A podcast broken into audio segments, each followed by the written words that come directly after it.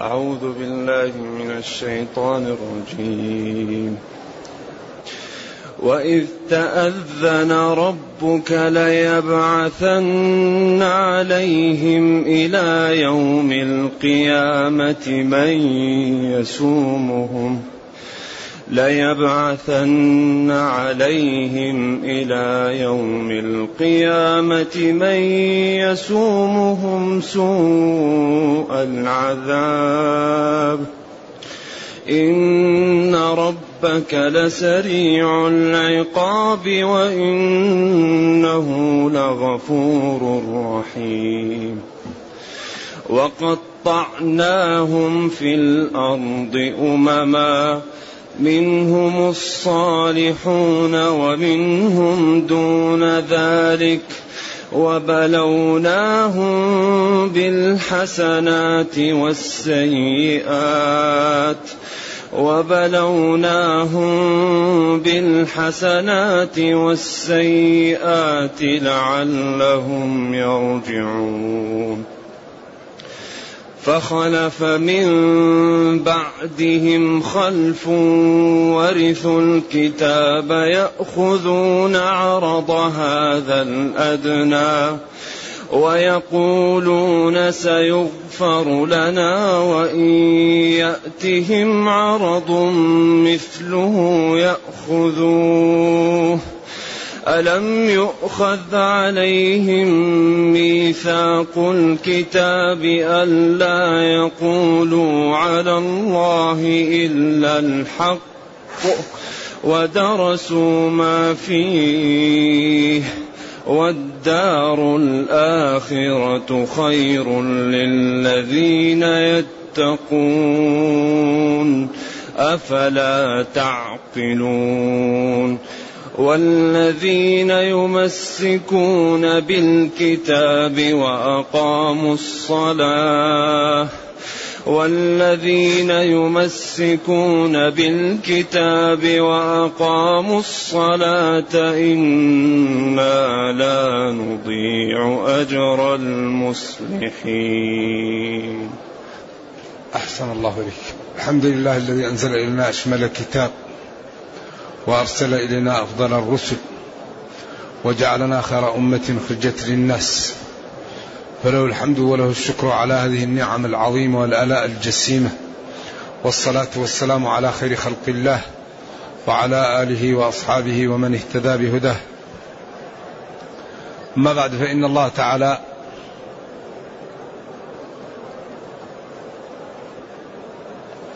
أمر نبيه في الآيات الماضية أن يسأل السابقه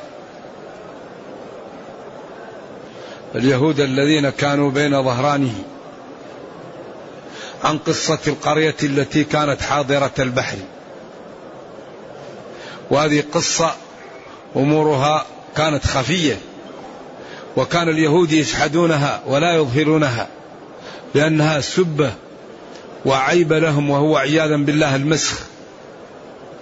فالله يقول لنبيه اسألهم عن القرية. نعم. هذا مما كانت اليهود تكتمه ولا تظهره. وفي ذلك أكبر دليل على رسالة النبي صلى الله عليه وسلم. وعلى أن اليهود ليسوا قدوة. لأن هذا فعل بهم لأجل معاصيهم. لأن كل مشكلة تأتي للإنسان سببها المعاصي. أي مشكلة تأتي للإنسان؟ في الغالب إما لترفع درجته أو لتمسح عنه إيش الذنوب. فلذا قل هو من عند أنفسكم فبما كسبت أيديكم. إذا لما قال له اسألهم يا نبي عن القرية أيلة أو طبرية أو مدين أو غير ذلك. كانت في ساحل البحر. والله ابتلاهم بإيتان الحيتان في وقت يحرم عليهم فيها الصيد. إذ تأتيهم حيتانهم يوم سبتهم يوم راحتهم والله حرم عليهم العمل يوم السبت. ويوم لا يسبتون لا يستريحون ويباح لهم الصيد والعمل لا تأتيهم. مثل هذا الابتلاء نبلوهم بسبب خروجهم عن طاعة الله بما كانوا يفسقون. ثم بين أن القرية كانت ثلاثة أقسام. قسم قرف الذنب ووضع الشباك. وربط السمك بالحبال حتى انتهى يوم السبت ثم ذبحوه أخذوه وأكلوه. لأن السمك يعني تذكيته هو إخراجه من الماء يموت. أما ما كتب عليه في بعض العلم مذبوح على الطريقة الإسلامية هذاك يجعل القضية مريبة قال. لأنهم يكتبوا على بعض المعلبات السمكية مذبوح على الطريقة الإسلامية. ولذلك هذا مريب. أيوه. لأنها كليشة فيحطوها. فهما فرقة اعتزلت وسكتت. وفرقة قالت لهم هذا خطر عليكم إن لم تكفوا عن هذا يوشك أن يوبقكم الله ويهلككم. فلما لم يقبلوا قسموا القرية بجدار. صار بينهم جدار وكل جهة تقفل على نفسها. فلما قالوا لهم لم تعظون قوما الله مهلكهم أو معذبهم عذابا شديدا إما مهلكهم بأن يوبقهم ينزل عليهم صاعقة أو ريح حارة يعني موبقهم بالقتل أو معذبهم عذابا شديدا يكون نكالا لغيرهم. كما حصل لهم عياذا بالله. ومن أشد العذاب المسخ. نرجو الله السلام والعافية. قالوا معذرة إلى ربكم. فعلنا ذلك ليعذر ليعذرنا ربنا معذرة. أو فعلنا ذلك لأجل المعذرة.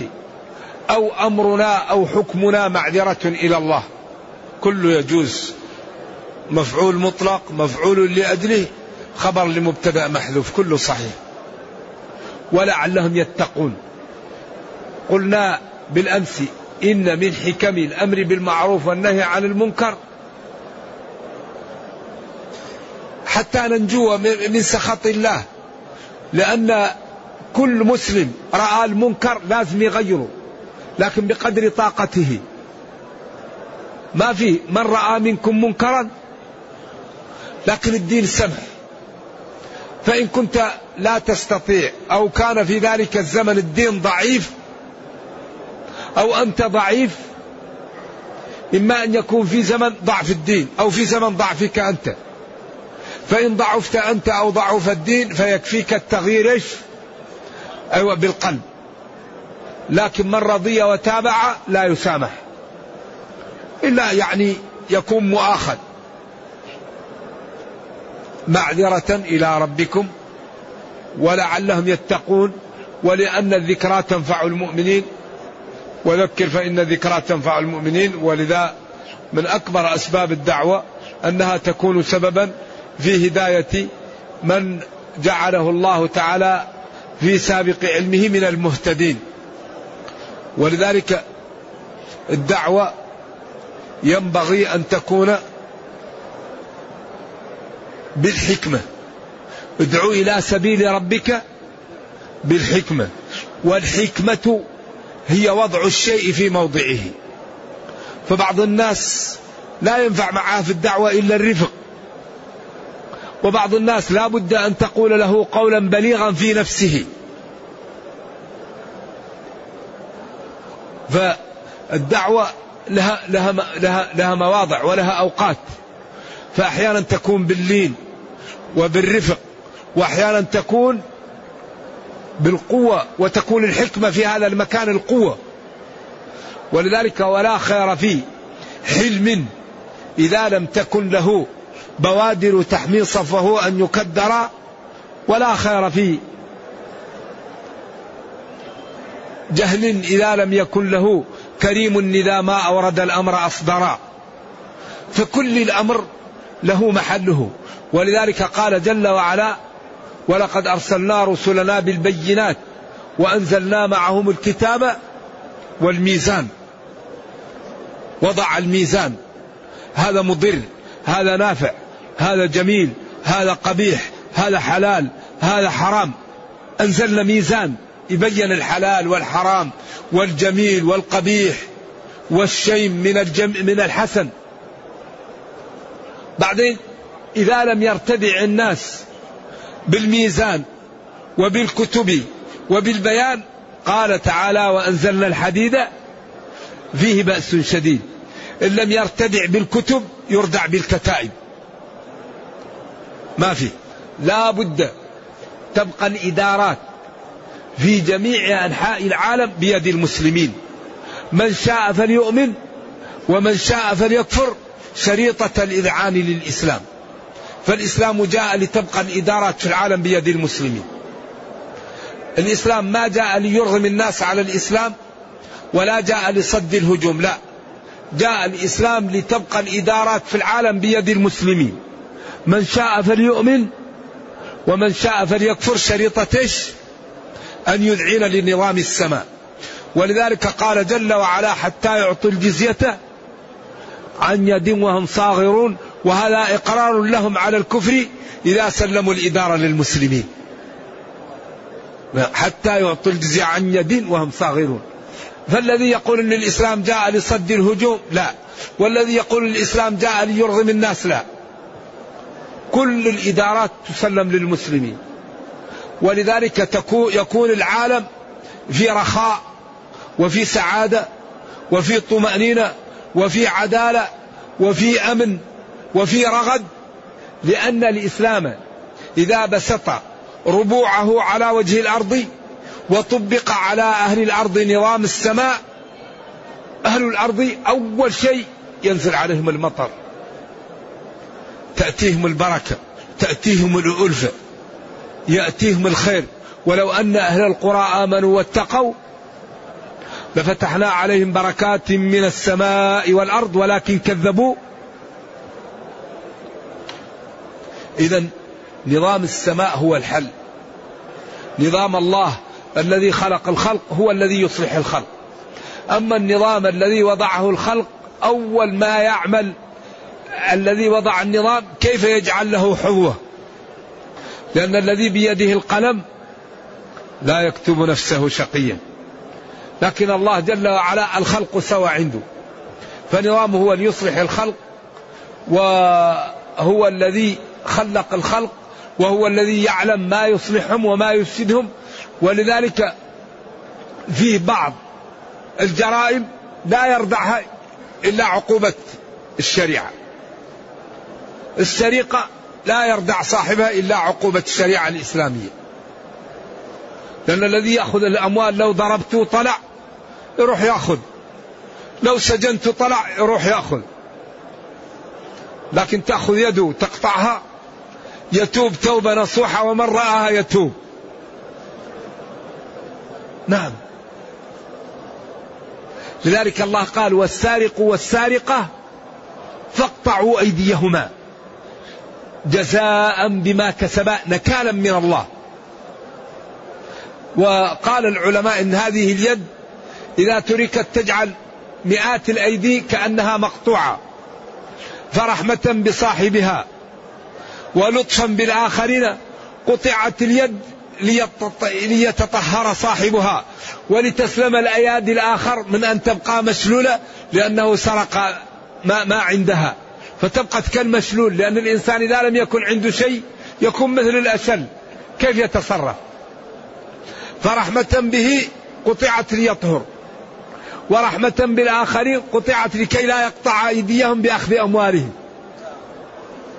لذلك لا يردع عن السرقة إلا عقوبة السرقة العقوبة الشرعية. الآن البلاد الموجودة فيها السرقة لا يمكن لو ضرب ولو عمل لكن إذا طبق شرع الله شوف الدكان مليء بالذهب يوضع على بابه قماش والناس تذهب تصلي ولا يقدر واحد يقرب. خلاص. لأن في في شرع الله. لذلك ثبت أن هذا الدين لو طبق الناس لوسعها الرخاء والرغد والنعم. وحري الحقيقة بالمسلمين أن يبادروا إلى الانضواء تحت هذا الدين. إذا فلما تركوا ما ذكروا به أنجينا الذين ينهون عن السوء. الذين ينهون عن السوء. وأخذنا الذين ظلموا بعذاب بئيس بئيس بئس بيأس بسبب فسقهم. هذا العذاب الشديد الذي أخذنا منهم فلما عتوا عما نهوا عنه العتو هو الطغيان. تنصح له يقول لك يا أخي روح روح. يا أخي فلان تعال صلي يا أخي الأذان أذن روح يا أخي قلب وجهك نعم. تقول له يا فلان لا تأذي جارك. يقول لك شوف إذا ما تركتني نحطك عليه الآن ونضربك. يعتو. أيوه. عتو ما يخاف. لا يخاف من الله ولا يخاف من العيب ولا يخاف من الفضيحة. ما له شغل. المروءة لا تهمه العرف لا يهمه الدين لا يهمه عتوا. قلنا لهم كونوا أمر, أمر تكوين. يعني كونوا أي صيروا قردة. فتغيرت أشكالهم. كونوا قردة الأشكال تغيرت عياذا بالله. طيب من هذه قدرته؟ أليس من الجنون أن يعصى؟ أليس من الجنون أن لا يطاع هذا؟ من هذه قدرته؟ قال لهم كونوا قردة فأشكالهم تغيرت. قال أن الكبار صاروا قردة والصغار صاروا خنازير. إذا يا يا سكان المدينة من يهود تأدبوا واعلموا أنكم إن كذبتم نبيي فهذا شأنكم وديدنكم فأسلافكم مسخوا وكذبوا الأنبياء. وأنت يا نبي اطمئن فإن اليهود قوم به. وأنتم يا سكان المدينة لا تجعلوا اليهود قدوة وإن كانوا أهل كتاب فإنهم قوم بهت وقوم ذنوب ومعاصي. أيوة. هذا في داخل الأسلوب. ثم قال وإذ تأذن ربك. تأذن أذين وكتب وقضى. لا يبعثن عليهم. ولذا الأسلوب كأنه مشوب بالقسم. لا يبعثن. وإذ قدر ربك والله أو شاء أو حكم. والله لا يبعثن عليهم إلى يوم القيامة. من يسومهم سوء العذاب؟ والله. لا يبعثن على اليهود من يسومهم سوء العذاب ولذلك بخت نصر ثم البابليين ثم الآشوريين ثم الأقباط ثم بعد ذلك سلط عليهم نبيه ثم بعد ذلك سلط عليهم هذا الذي في ألمانيا ثم بعد ذلك الآن يتجمعون في فلسطين ليأكلوها. أيوة بعدين تكون كبيرة أشد وحدة. وهم الآن بنوا جدار ليوقع بهم فيه. ولذلك قال لا يقاتلونكم جميعا إلا في قرى محصنة أو من وراء جدر. وقال تحسبهم جميعا وقلوبهم شتى. إن ربك لسريع العقاب وإنه لغفور رحيم. إن ربك إن تأكيد. ربك هو الذي أعطاك كل ما عندك. لسريع العقاب إذا أراد أن يعاقب. وإنه لغفور رحيم لمن تاب من خلقه وأناب وجعل التوبة هي الأخير ليفتح بابها لمن تاب. والله يغفر الذنوب جميعا. ثم قال جل وعلا وقطعناهم في الأرض. قطعناهم قطعا. كل بلد فيه يهود. يهود الفلاشة يهود المغرب يهود اليمن يهود نيويورك يهود السوفيت. قطعناهم في الأرض. بعدين الإسلام لا يظلم. قال منهم الصالحون كعبد الله بن سلام ومخيريق وغيرهم ممن آمن من اليهود وأصلح وتاب ومنهم دون ذلك ومنهم لم يكن من الصالحين ولكن من الطالحين وبلوناهم اختبرناهم بالحسنات والسيئات بالنعم والنقم وبالصحة والمرض وبالفقر والغناء لعلهم يرجعون. فلم يرجعوا وماتوا بعد ذلك فخلف. فلما ماتوا وذهبوا جاء من بعدهم خلف. الخلف أكثر ما يقال للسيء للعقب السيء. والخلف يقال للعقيب الطيب. خلف لخير السلف. فخلف من بعدهم خلف أضاعوا الصلاة.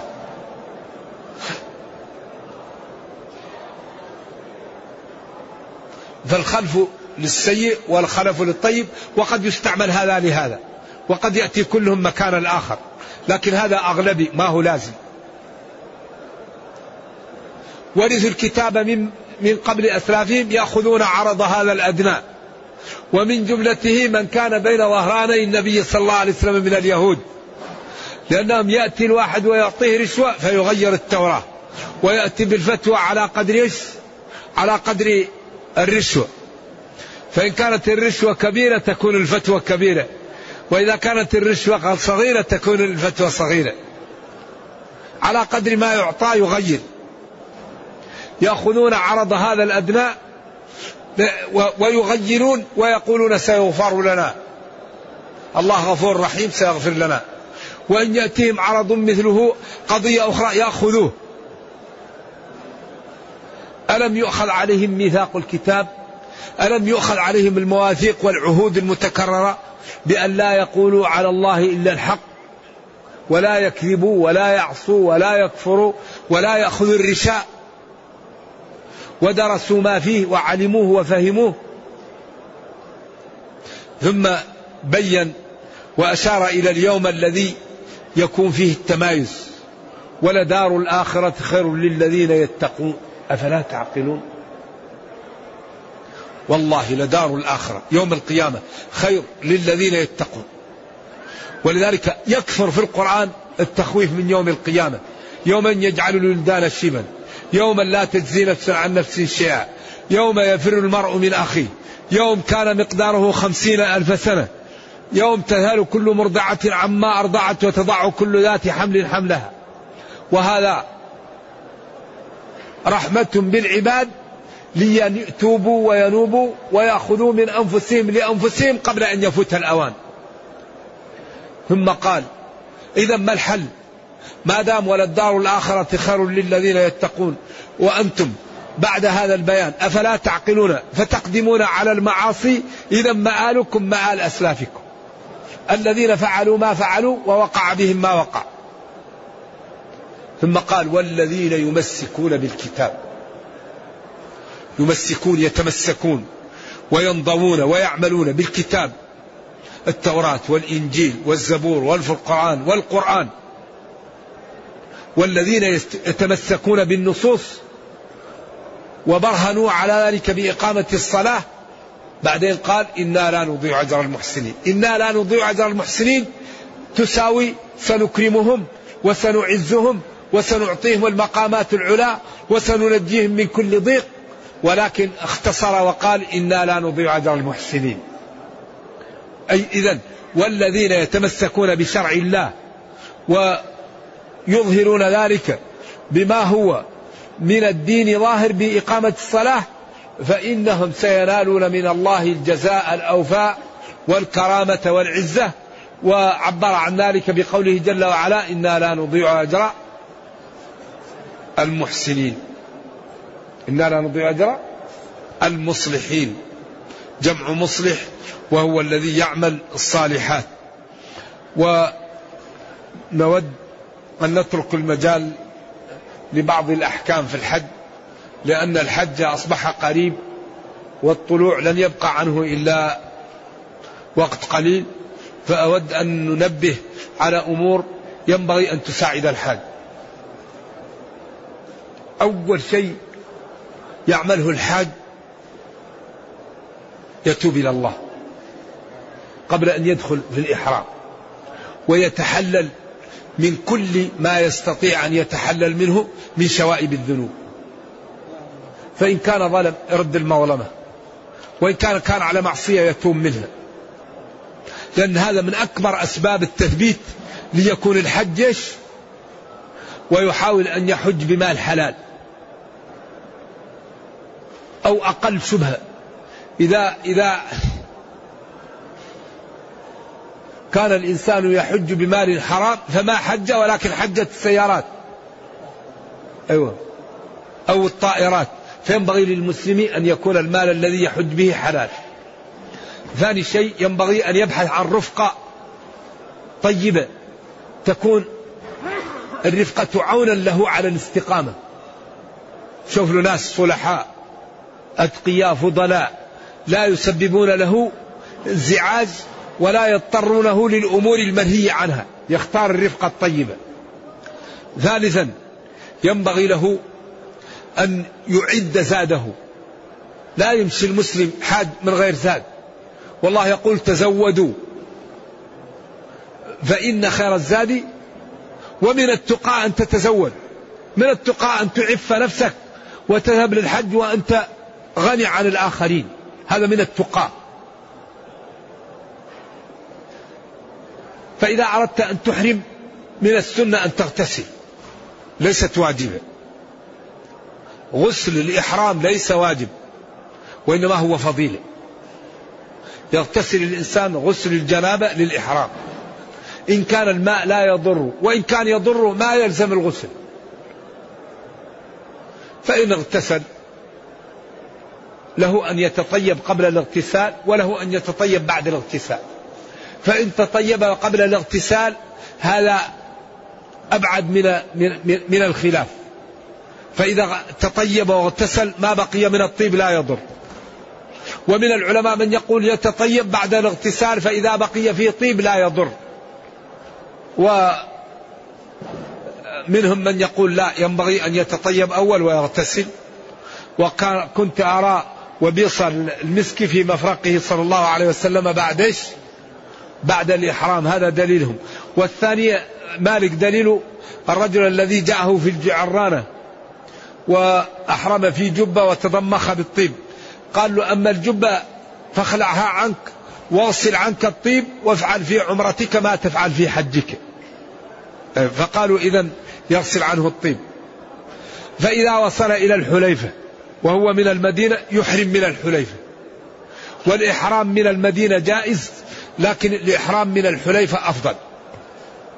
لأن النبي صلى الله عليه وسلم بات فيها وأحرم منها وقال لتأخذوا عني مناسككم.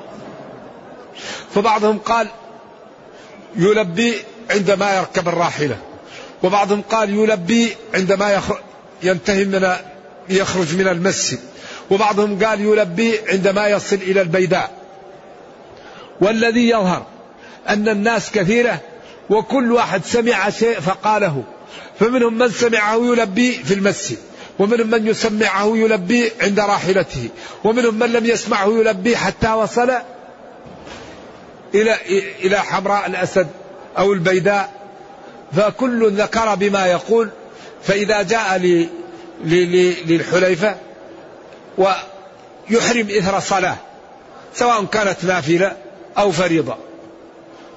أو يقرأ الفاتحة والكافرون والفاتحة والإخلاص بركعتين يحرم. وبعض العلماء يقول هذه الركعتين لا تلزم بس يحرم إثر الصلاة فريضة أو نافلة أو شيء. فإذا دخل في الإحرام حرمت عليه النساء والطيب. وتغطية الرأس وتقليم الأظافر والصيد البري. وحرم عليكم صيد البر ما دمتم حرما. والرفث كله والجدال والفسوق. الفسوق حرام في كل وقت لكن هذه تتعين في الحج. واستعمال الطيب وشم حلق الرأس أو حلق ما يحلق من الجسم أو تقليم الأظافر فلا يزيل أي شيء من بدنه وله أن يغتسل بدون أن يستعمل يعني آه، صابون. أما صب الماء على جسمه لا يضر. فإن احتلم لا يضر الاحتلام الحد. يغتسل ولا يضر. ويلبي. كل ما طلع يلبي وكل ما نزل وكل ما تغيرت حال وجددنها كلما تجددت حاله يكثر من التلبية والتلبية لبيك اللهم لبيك لبيك لا شريك لك لبيك. إن الحمد والنعمة لك والملك لا شريك لك. فلبيك إجابة لك بعد إجابة يا ربي. لبيك إجابة لك بعد إجابة متكررة. حينما قال وأذن في الناس بالحج قال لبيك يعني إن الله كتب عليكم الحج فحجوا. فهو يقول يا رب لبيك على ولله على الناس إيش؟ حج البيت. فلبيك. إجابة لك بعد إجابة لأن دعوتني إلى الحج. لبيك أي إجابة بعد إجابة. يا الله إن الحمد كله والنعمة كلها لله لا شريك لك. فهي توحيد أهل بالتوحيد. فإذا لبى يحرم بواحد من الأنساك الثلاثة. إن اختار أن يقول لباك حجا وإن اختار أن يقول لباك حجا وعمرة يكون قارنا وإن اختار أن يقول لباك عمرة ويكون متمتعا. إذا الأنساك ثلاثة. والإجماع حاصل على أنها كلها صحيحة وكلها مجزئة وإنما اختلف العلماء في الأفضل منها. فمنهم من قال التمتع أفضل. وهذا رأي الإمام أحمد لقوله دخلت العمرة في الحج ولأمره لأصحابه بأن يجعلوها عمرة. وقال لو استقبلت من أمري ما استدبرت لما سقت الهدي ولجعلتها عمرة. فقالوا ألعامنا هذا؟ قال بل لأبد الأبد. ولولا أن أبا بكر وعمر وعثمان كانوا يأمرون الناس بالإفراد لقلنا إن التمتع واجب. لأمره لأصحابه وقال بل لأبد الأبد. لكن الجمهور قالوا هذا لبيان الجواز لأن العمرة في أشهر الحج كانت من أفجر الفجور عندهم. وفي صحيح مسلم في حديث جابر الطويل وما كنا نعرف العمرة في أشهر الحج. وما كنا نعرف العمرة في أشهر الحج. إذا قال بل لأبد الأبد لبيان الجواز. والنبي صلى الله عليه وسلم حج قارنا. هذا لا شك فيه. وإن قال جلة من العلماء بخلاف ذلك فهو حج قارنا. كذلك علي قال لباك بما لبى به رسول الله صلى الله عليه وسلم. أما الذي حج مفردا أو بالعمرة كلهم أمرهم بالفسخ إذا الأنساك الثلاثة كلها صحيح. لباك عمرة لباك حجا وعمرة لباك حجا والقران والتمتع لغير أهل مكة يلزم فيه الهدي. فمن تمتع بالعمرة إلى الحج فما استيسر من الهدي. إذا يلبي ويكثر من التلبية ومن أعمال الخير. ويقلل الخلط ما أمكن إلا في, في, في خير. فإذا جاء لمكة ودخل مكة وبدأ الطواف يقطع التلبية.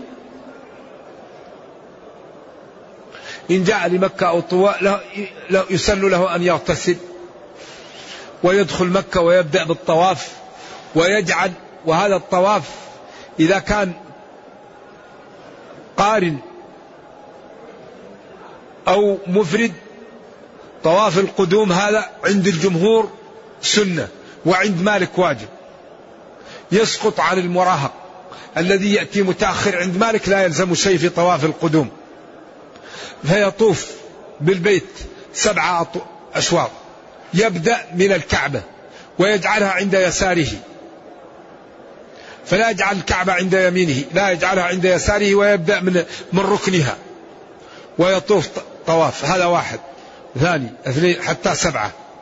ولم يرد دعاء يدعى فيه إلا بين الركنين اليمانيين ربنا آتنا في الدنيا حسنة وفي الآخرة حسنة وقنا عذاب النار. ثبت أنه كان يقول هذا بين الركنين. أما ما هو مجعول في, في الأدعية هذا من باب الاستصلاح. دعاء الشوط الأول دعاء الشوط الثاني الثالث هذا لم يثبت. وإنما أنت حاج أدعو ربك بما شئت. تريد الجنة قل اللهم أعطيني الجنة. تخاف من النار قل اللهم أجرني من النار. تريد الورع قل اللهم ارزقني الورع. تريد الخشوع قل اللهم ارزقني الخشوع. تريد حسن الخلق قل اللهم ارزقني حسن الخلق. ما تريد أسأله لله. وإن كان ولا بد تدعو بالأدعية الصحيحة. وفيه كتب آه، تخصصت في الأدعية وكتب الحج بالآلاف. المناسك لا تنتهي. والجزء الخامس من أضواء البيان منسك وما كتبه بن قدامة في المغني في الجزء الرابع أيضا رائع وما كتبه النووي في المجموع رائع وما كتبه الشوكاني على منتقى الأخبار في كتابه نيل الأوطار هذه كتب جيدة في الحد وتأتي بالأقوال وبالأدلة وتناقشها. وهناك أيضا مختصرات في كل مذهب مختصر في الحد. فينبغي للحاج أن يصحب من هو عالم بالحكم. لأنه إذا صحب من هو عالم بالحكم ومستقيما كان ذلك عون عونا له على أن يسلم له حجه. فإذا طاف بالبيت ويرمل يجعل الأشواط الثلاثة الأول يجري لأنهم لما جاءوا قالوا أوهنتهم حمى يثربة فقال لهم في الأشواط الثلاثة الأول اجروا إذا كنت يلقوا جبل أبي قبيس. فإذا غاب عنهم جبل أبي قبيس مشوا. فإذا رأوه جروا. قال والله إن أصحاب محمد لنشطاء صلى الله عليه وسلم وإنهم أقوياء وأهل جلد. لذلك الحرب خدعة. الإسلام يريد أن يظهر بالقوة ولا يظهر أبدا ضعاف. ولذلك لما قربوا من مكة لفتحها قال كل رجل يولع نار الحال. هم كانوا عشر ألاف فعشر ألاف نار في الليل كيف؟ فأدخل في قلوبهم الرعب. صلوات الله وسلامه عليه. فلما ويعمل الإطباع وهو يجعل كتف اليمن الأيمن إيش؟ مكشوف. ويرمل في الأشواط الثلاثة الأول. هل كل الطواف يعمل فيه الإطباع أو الأشواط الثلاثة؟ وهل يعمله في السعي أقوال للعلماء؟ الله أعلم بالراجح منها. لم أقف على الراجح وإنما هي أقوال واردة. فإذا انتهى من الطواف إذا استطاع أن يصلي في المقام أفضل. وإن, وإن كان في زحمة يصلي في أي محل خلف المقام أفضل أو في أي محل لم يجد المقام. ليس واجب ولا يضر. فإن كان فيه زحام أو في مشقة يصلي في أي محل في الصحن أو في أي محل في الحرم. فإذا صلى يذهب ويشرب من زمزم يتضلع منها إن أراد. وهذه السنة ويشربها لما أراد. بعض الناس يشربها للعلم وبعض يشربها لأجل أن لا يعذبه الله يوم القيامة أو لا يجد العطش في القيامة. يقال للحافظ بن حجر شرب ليكون مثل الذهبي والسيوطي شرب ليكون مثل الحافظ بن حجر. هذا يذكر في التاريخ. وبعض السلف شربها لي ليحميها الله من عطش يوم القيامة وبعضهم شربها لينجيها الله من نار من النار. وهو طعام طعم وشفاء سقم ضربة ملك بالأرض في واد غير ذي زرع. ونبق هذا الماء المبارك الذي عجيب شفاء وطعام. فإذا انتهى يذهب إلى الصفاء ويعلو عليها ويقول الله أكبر الله أكبر إن الصفا والمروة من شعائر الله. لا إله إلا الله وحده أنجز وعده ونصر عبده وهزم الأحزاب وحده. لا إله إلا الله وحده لا شريك له له الملك وله الحمد وعلى كل شيء قدير ويدعو بما شاء. ثم يمشي. فإذا جاء للمعلم الأخضر أسرع.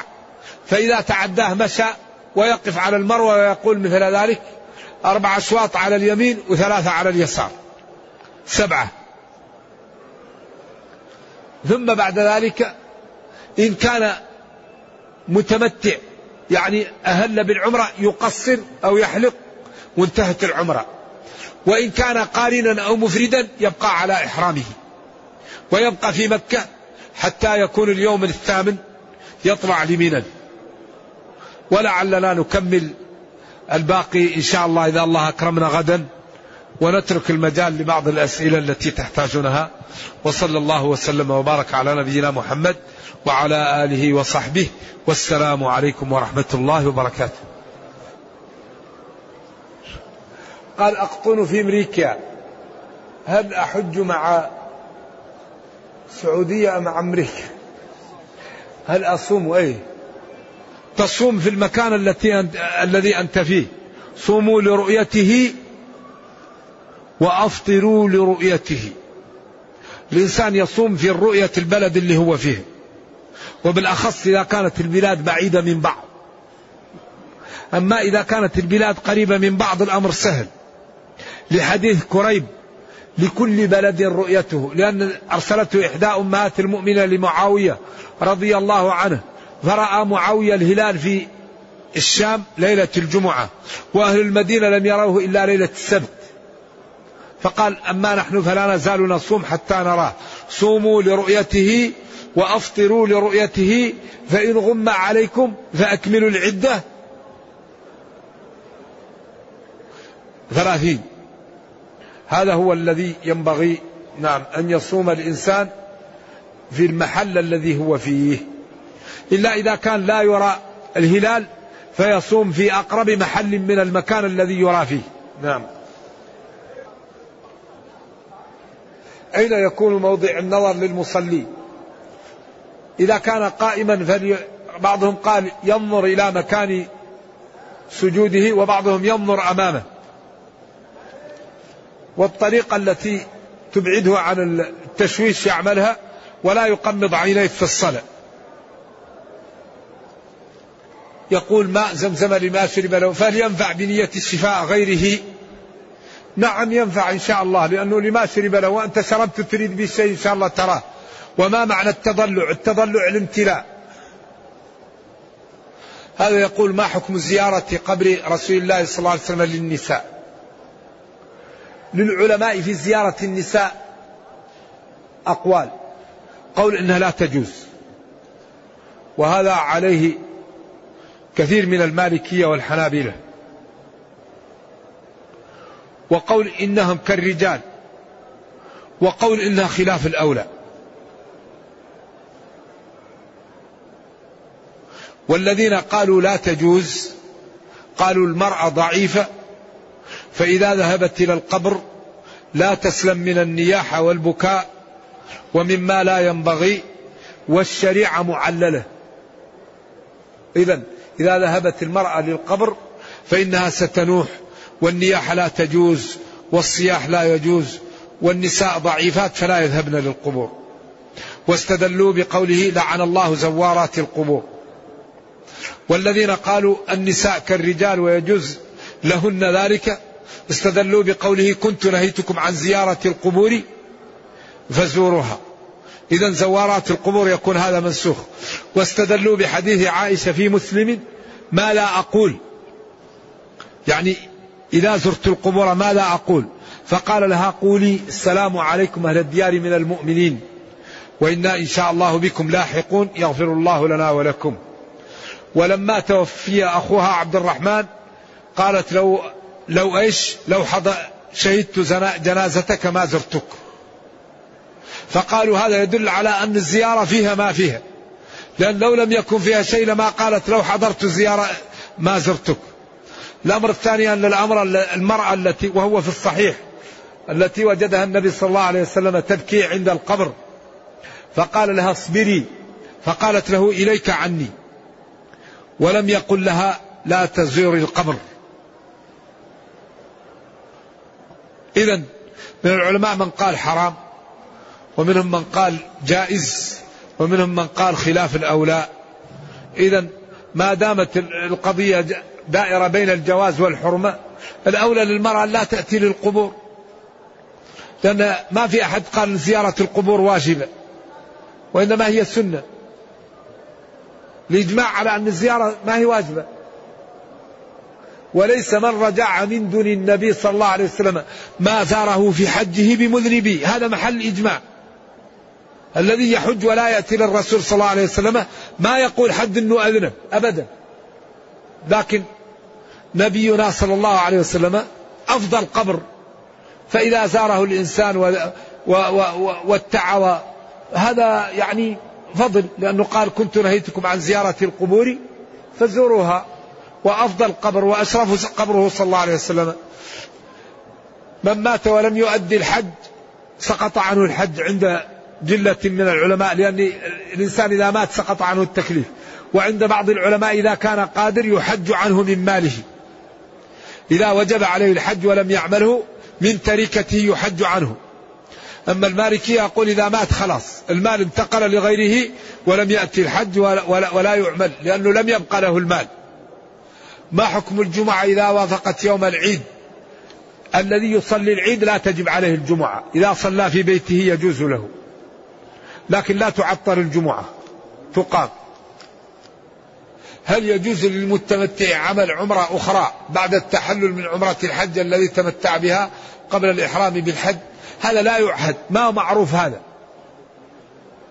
هذا لا يعرف سير العمل الإسلامي لا يعرف لكن قد يأتي بعمرة بعد الحج. أما في أثناء التمتع يأتي بعمرة هذا ما ما ما هو واضح عندي. نعم. لا يعهد ما أعرفه. حاج متمتع هل يجوز دفع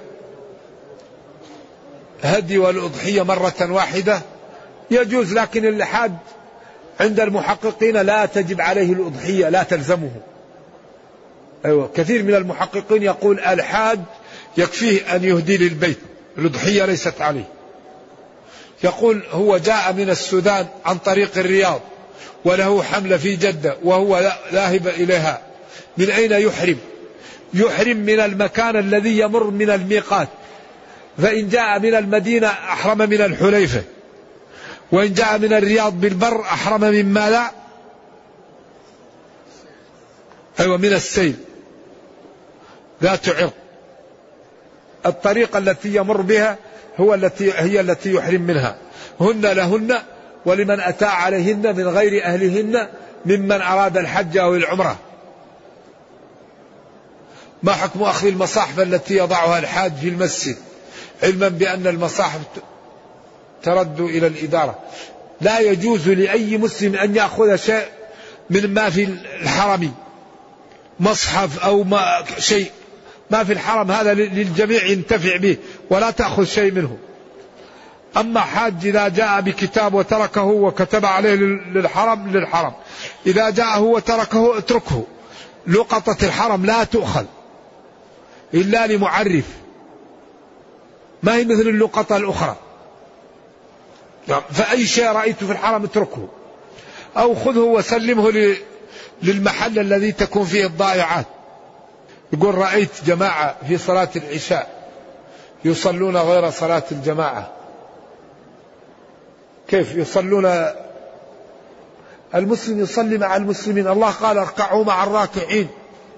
ولذا المسلم إذا صلى في بيته وجاء للمسجد يصلي مع الناس. تكون له نافلة. أما يكون المسلم الناس يصلون وهو جالس هذا لا يكون إلا إذا كان حرام عليه الصلاة. ولو صلى. إذا حضرت الجماعة صل مع المسلمين. حتى لا توصم بأنك غير مسلم أو مجنون.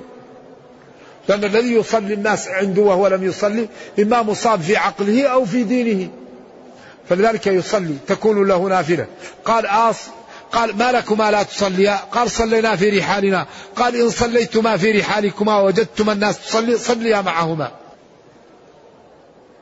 ما قصة الركن اليماني وما هي فضيلة بين الركنين؟ ما أعرف. الله أعلم. يقول آه، إذا أراد المحرم أن يغسل يعني ثيابه يجوز أن تأخذ تغيير من المه... ما يضر. يمكن تأخذ معك اثنين ثلاثة إذا كان لك يسر وتحب أن تكون نظيف تأخذ إحرامين ثلاثة أربعة. وإذا اتسخت تغير أو إذا أردت تغسل واحد تلبس الثاني يجوز ما في شيء. التسوق يجوز للمحرم أن يتسوق. وإذا تسوق قبل الطواف الأولى بحيث يجعل الطواف آخر شيء فليكن آخر عهده بالبيت. إذا أردت تتسوق قبل أن تطوف تسوق واعمل كل شيء واجعل طواف الوداع آخر شيء أحسن لك. نكتفي بهذا؟ يجوز أن تعمل عمرة لأمك في أي وقت أو لأبيك أو لغيرك. الحج والعمرة عن الغير جائز إذا قام المسلم بها لنفسه. حج عن نفسك ثم عن شبرمة. نعم هل يجوز وضع شيء ثقيل على كتفي؟ نعم. يجوز أن تلبس بطانية أو تلبس لحاف. ويجوز أن تعمل ثوبك زي الإزار. لو تأخذ ثوب أو عباءة أو شيء. المهم لا تلبس على الطريقة. أما إذا عملت ثوب إزار ما يضر. أو وضعت على كتفك. ما يضر. لكن لا تلبس. هل يجوز للإنسان أن يصلي خلف المقام إذا كانت صلاة تعطل الطائفين؟ لا ينبغي. ينبغي لمن يريد أن يصلي إذا كان الزحام أن يترك للطائفين محلهم. أما الذي يأتي ويصلي في طريق الطائفين هذا وبالأخص إذا كان هذا الحد والطواف واجب عليه والوقت ضيق أيوة ينبغي أن يبتعد وعن الصلاة وبالأخص إذا كانت صلاة نافلة. هل يجوز للمتمتع أن يعمل بعمرة قبل أيام التشريق؟ يجوز نعم. أحد اعتمر في ذي القعدة ثم عاد إلى محل إقامته. هل يعتبر حجه متمتعا؟ عند بعض العلماء لا يكون متمتعا. لا بد أن يجلس في مكة. فمن تمتع بعمرته إلى الحج يعني عمل عمرة في أشهر الحج وبقي في مكة وهو ليس من أهل مكة. أما الذي يرجع إلى بلده فليس متمتعا على القول الأقوى. يقول إنه يريد أن يتمتع. هل يجوز أن يعمل عمرة لوالده؟ يجوز. آه، رأي ابن عباس رضي الله عنه في أن من أهل بأي نوع من النسك فعليه أن يحل منهما مهما كان نسكه. درجة هذا القول وهل يؤخذ به؟ هذا القول جيد ولكن المقصود بيان الجواز كما أشرنا له قبل لأن عمر عشر سنين يأمر الناس بالإفراد ولأن الأئمة الأربعة وهو اختيار شيخ الإسلام أن الإنسان إذا كان يسافر للحج سفر مستقل وللعمرة سفر مستقل أن أفضل الأنساك الإفراد. لقوله تعالى وأتم الحج والعمرة لكن الواحد يتحاشى الدم يتحاشى الهدي ويذبح ويروح يعمل لعمرة من التنعيم ويقول أنا مفرد لا. تفرد تأتيني بعمرة من التنعيم؟ لا أنت تمتعت ولكنك احتلت حتى لا تذبح. فمن تمتع بالعمرة إلى الحج فما استيسر من الهدي. أنت تأتي بسفر مستقل للحج وسفر مستقل ليش للعمرة. أما تريد أن تأتي بعمرة من التنعيم حج متمتع أو قارنا. هذا الذي يظهر والله أعلم. نعم. هل يجوز الجمع بين طواف الإفاضة وطواف الوداع؟ لا يقال له جمع. طواف الوداع إذا جعلت طواف الإفاضة آخر شيء يدخل فيه. فليكن آخر عهده بالبيت. ليس طواف الوداع لأجل وداع مأمور أن الإنسان إذا أراد أن يسافر من مكة يطوف بالبيت. وللعلماء فيه قولان. قول إنه حق للبيت. حتى غير الحاج إذا أراد أن يخرج من مكة لازم يطوف. وقول الجمهور قالوا هذا من, من لوازم الحج وهو طواف الوداع. ويسقط عن الحائض. يقول والده متوفى يريد أن يعمل عنه عمرة. الأولى أن تعملها بعد انتهاء الحج. عمرة التنعيم هل هي صحيحة أم لا؟ عمرة التنعيم صحيحة لكن اختلف العلماء. هل أفضل هي أو الطواف؟ بعض العلماء قالوا هي جائزة لكن الأفضل منها الطواف. واستدلوا بأن الصحابة الذين حجوا مع النبي صلى الله عليه وسلم كانوا مئة وعشر ألاف. الذي اعتمر منهم عائشة. إذا لو كان هذا فيه فضلية كبير لتسابقوا وعملوه. وبعضهم قال الترك لا يدل على على على عدم الجواز. واحد ترك شيء لا يدل على أنه غير جائز وهي ليست واجبة. فالمهم أن الخلاف فيها ولكنها جائزة. العمرة من التنعيم جائزة. بدليل أن النبي صلى الله عليه وسلم أرسل عائشة مع أخيها عبد الرحمن ولم يقل لها هذا خاص بك وتأخير البيان عن وقت الحاجة لا يجوز. فهو صلوات الله وسلامه عليه مشرع. فلو كان ذلك غير جائز لبينه. لكن هل هي أفضل أو عدمها؟ هذا هو محل القول. أما الجواز تعدى القنطرة. واضح؟ وكان بعض السلف يأتي ب يعني عمرة من من التنعيم قبل أن ينبت رأسه بعد الصدر. فقال له أمري للموسى على رأسك ومن أراد الاستزادة في هذا فلينظر في إرواء الغليل. لمحدث العصر رحمة الله علينا وعليه الشيخ ناصر الدين الألباني في كتابه القيم في تخريج أحاديث منار السبيل. وهو كتاب مفيد لتتبعه لروايات الحديث والحكم عليها. نرجو الله أن يغفر لنا وله ولكم وأن يجمعنا جميعا في مستقر رحمته. والسلام عليكم ورحمة الله وبركاته.